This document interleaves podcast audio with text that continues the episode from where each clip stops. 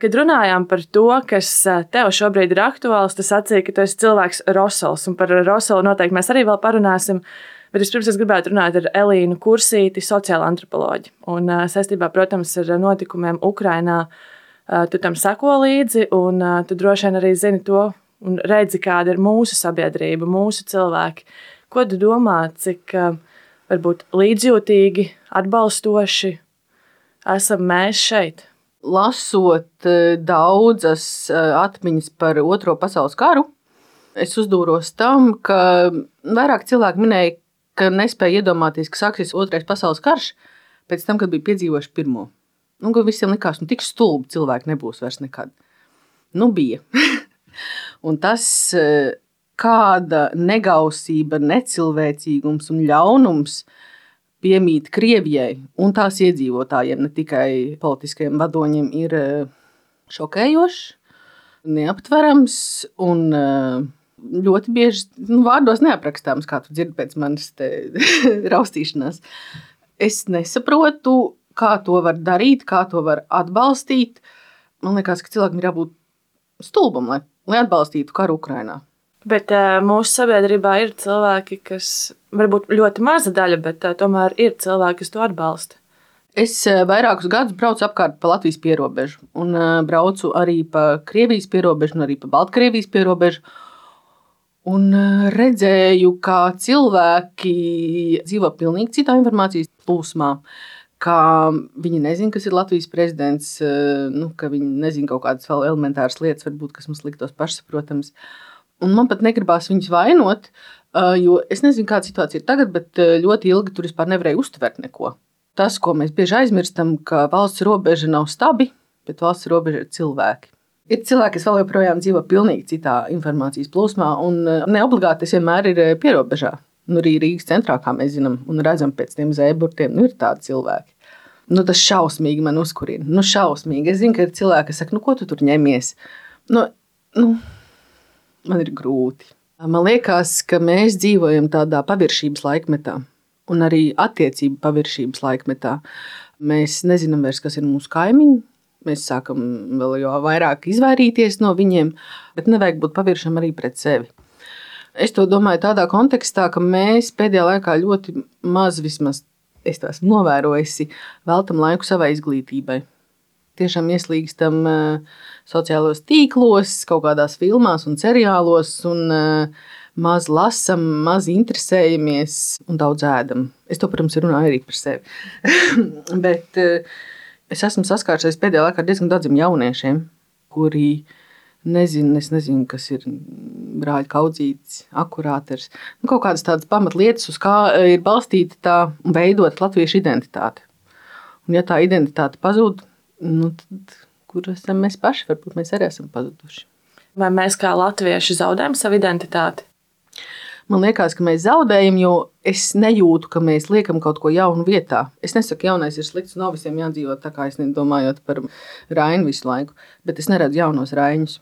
Un vai šobrīd ir svarīgi, ka mums būtu jaunie rāņi? Es domāju, tieši kontekstā ar uh, Ukraiņas notikumiem un to, cik svarīgi tomēr ir iedzīvotāji un savu tautu jā, būt svarīgi. Un tas, ko es gribu pateikt, man gribētos, lai vairāk cilvēki ir eh, politiski aktīvi, īpaši no kultūras vidas. Nu, par piemēru, brīnišķīgs piemērs ir eh, Ralfs Eilants. Kurš ir uzņēmis nu, tādu politisku aktīvo noti. Bet man gribās, lai nevis pasakā, es nosodu karu Ukrajinā, bet lai rīkojas, lai eh, ir šī aktīvā runāšana un rīcība, jo cilvēki, protams, ieklausās viņos. Vēl jau ir jautājums par to, vai šī rīcība ir paša griba vai sava klausītāja, skatītāja popularitātes noturēšana? Taisnība. Nu, šajā gadījumā man gribētu teikt, vienalga, kādu apstākļu dēļ viņš to dara, bet ja galu galā tiek palīdzēts cilvēkiem un bēgļiem, un tas paliek uz katra cilvēka sirdsapziņas, kāpēc viņš to dara. Pie mūsu dzīvokļa mājas mēs izkārām divus karogus, īstenībā trīs karogus, divus Ukraiņus un vienu Latvijas. Un uh, nepagāja ne pāris dienas, kad pirmais Ukraiņas karogs jau bija norauts. Un nevis vienkārši noraudzis, bet aiznests ar visu karogu kātu. bet, eh, tas, protams, mūs neatturēja. Mēs vienkārši pasūtījām jaunus, uzšāvām jaunus un uzlikām jaunus. Un es saprotu, ka to priecniekums policijā par šo, jo cilvēki, protams, ir redzējuši, ka tas ir noticis. Arī mans kaimiņš ziņoja, ka pie viņa citas mājas, kur viņš dzīvo centrā, Tallinas ielā, arī nu pat aizvakar esot norauts karogs. man ir mazliet bail par to, cik daudz mēs latvieši nezinām par krieviem daudziem, kas dzīvo šeit, par to, ko viņi īstenībā domā. Nu, tās jau nav vecas tādas, kas ieturēja karogus. Tie ir nu, tādi mani vecuma krievi jaunieši lielākoties, kā mēs redzam arī pēc komentāriem internetā. Jo tie komentāri ir ārkārtīgi naidīgi, izsmejoši, neizprotoši. Man liekas, ka tas rusofobijas vilnis, kas tagad nāks pāri, nu, gan Ukrajinā, gan arī citās valstīs visā pasaulē, ir vienkārši nenormāls. Rusofobiju varētu dēvēt par tādu kā vēlmi noēst krievus. Es gribētu nedaudz parunāt tieši par ēdienu. Kādā publikācijā tu tiec dēvēta par ēdienu industrijas labu pazinēju. Varbūt vari klausītājiem vairāk paskaidrot, kāpēc tevi šādi dēvē? Nu, es sevi drīzāk raksturotu kā tādu šausmīgi ziņkārīgu cilvēku par visu, un tajā skaitā tagad arī par ēdienu. Es esmu iestājusies Latvijas Universitātes doktorantūrā un rakstu disertāciju par 80. un 90. gadu ēdieniem un ēdienu praksēm. Es tās nosaucu par tādu gastronomisko kodu, ko es pētu, kas ir šausmīgi interesanti. Tāpēc es esmu sākusi pastiprināti lasīt un interesēties par ēdienu. Un paralēli tam es arī taisu grāmatu par rosolu kas arī ir svēti salāti. Un varbūt tas noved pie, pie, pie, pie tāda apziņas. Ēdiena industrijas pazināja. Bet šis jautājums arī par to, droši vien caur ēdienu mēs arī iepazīstam sabiedrību. Un, uh, kurš ēdiens šobrīd tev liktos, kāda šobrīd ir Latvijas sabiedrība? Kurš ēdiens raksturotu mūsu šobrīd? Um, Latvija izteikti dalās divās daļās - Latvija Rīga un Latvija lauki. Ja man būtu jārunā par Latviju Rīgu, es teiktu, ka Latvija garšo pēc burgeriem, diemžēl, pēc kaut kāda pasūtīta ēdiena un tā. Bet Latvija lauki. Mm, Es zinu, ka kādreiz Imants Ziedonis ar kādu kolēģi gāja apkārt pa Latviju un visu laiku prasīja cilvēkiem, ko viņi ēd. Un tad nu, veidoja tādu, tā kā, es to saucu par kartēšanu īstenībā. Un garšas karte Latvijā tika veidot, varbūt tā var saukt. Bet eh, mēs, kad braucām apkārt dažādās ekspedīcijās, arī vienmēr runājam par to, ko un kā cilvēki ēd. Un um, lielākoties cilvēki ēd kartupeļus. Un ēd diezgan vienkārši un e, lēnām, vai vispār neļaujas pārmaiņām. Mums ir, manuprāt, nepelnīti aizmirsta un piemirsta kaut kāda tradicionāla virtuve, kas tomēr mums ir ļoti laba.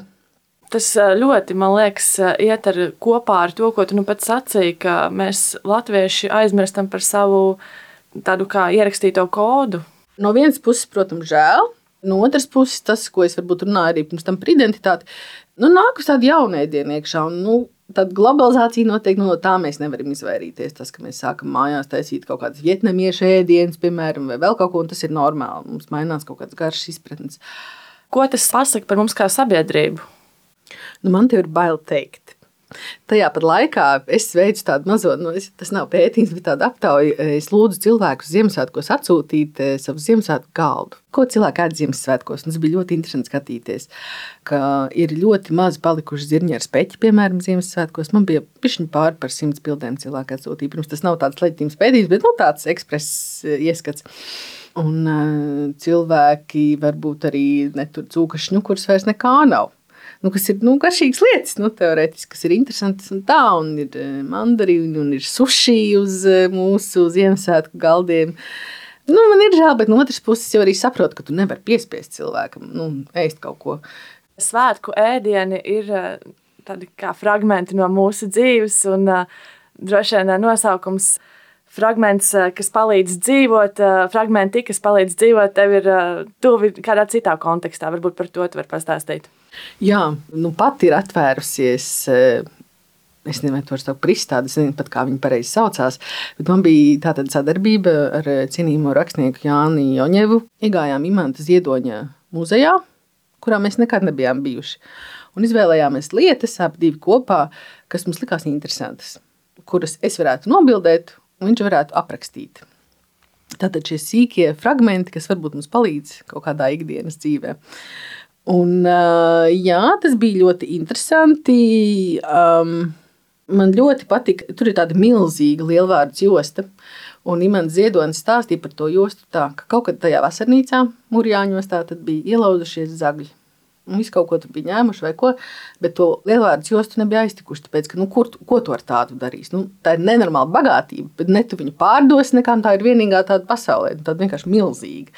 Un, eh, nu jā, un tad eh, es domāju, protams, piemēram, lielvārds josta kā spēka avots, kā identitātes avots, eh, kā kaut kas, kas mums palīdz pieturēties, kaut kas pie kā pieturēties ikdienā, ko atcerēties.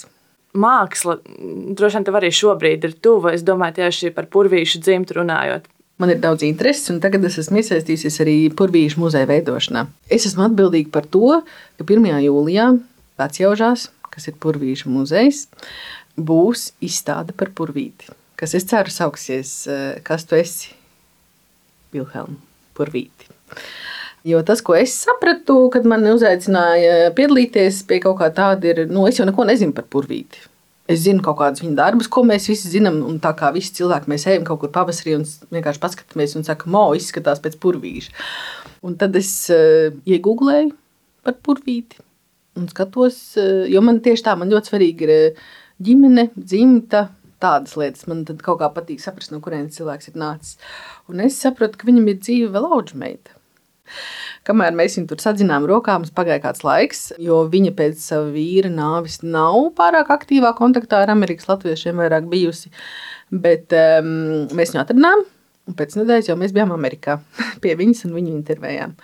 Tātad eh, Purvīša meitai, kuras sauc Mariona Vitāns, nu pat ir palikuši simts gadi kad mēs braucām, vēl bija 99. Un e, mēs viņu nointervējām. Jā. Mēs pavadījām nedēļu Amerikā. Mēs pie viņas bijām uh, trīs reizes, katru reizi vairākas stundas. Cik nu viņa spēja fiziski mūs panest, jo nu, vecums ir vecums, viņa dzīvo vecāku pansionātā. Man satiekoties ar viņu, kļuva skaidrs, e, kas ir purvīts kāds viņš ir bijis. Jo, nu, protams, ka ģimenes locekļi izstāsta tādas lietas, ko varbūt neraksta mākslas grāmatās vienmēr. Pārsteidza tāds purvīšu cēlums, kas arī caurvijās caur viņu laikam, un tāds šerpums. Tāds pilkta epizode, ka purvīšu sieva e, Karolīna, kur bija Vācu Baltieti, mīlēja ļoti, vai nu, es šaubos, ka viņa pati gatavoja, bet e, varbūt kāds cits, bet mīlēja ļoti veselīgi ēst. Burvītam ļoti nepatīk veselīgi ēst. Viņš esot, tad, kad pārāk veselīgi bija, vienkārši piecēlies no galda un demonstratīvi aizgājis pāri uz restorānu. Jā, bet kopumā Un arī mazliet tādā Ukraiņas kara kontekstā man ir jāpasaka, ka Mariona bija tāds piemērs, cik ļoti bēgļu gaitas ietekmē visu tavu dzīvi, kādu traumu tas atstāja, jo arī viņa devās bēgļu gaitās. Uh, no sākuma uz Vāciju un pēc tam uz Ameriku. Kā tas posta dzīves, eh, un ne tikai pirmos gadus, bet eh, visu atlikušo dzīvi.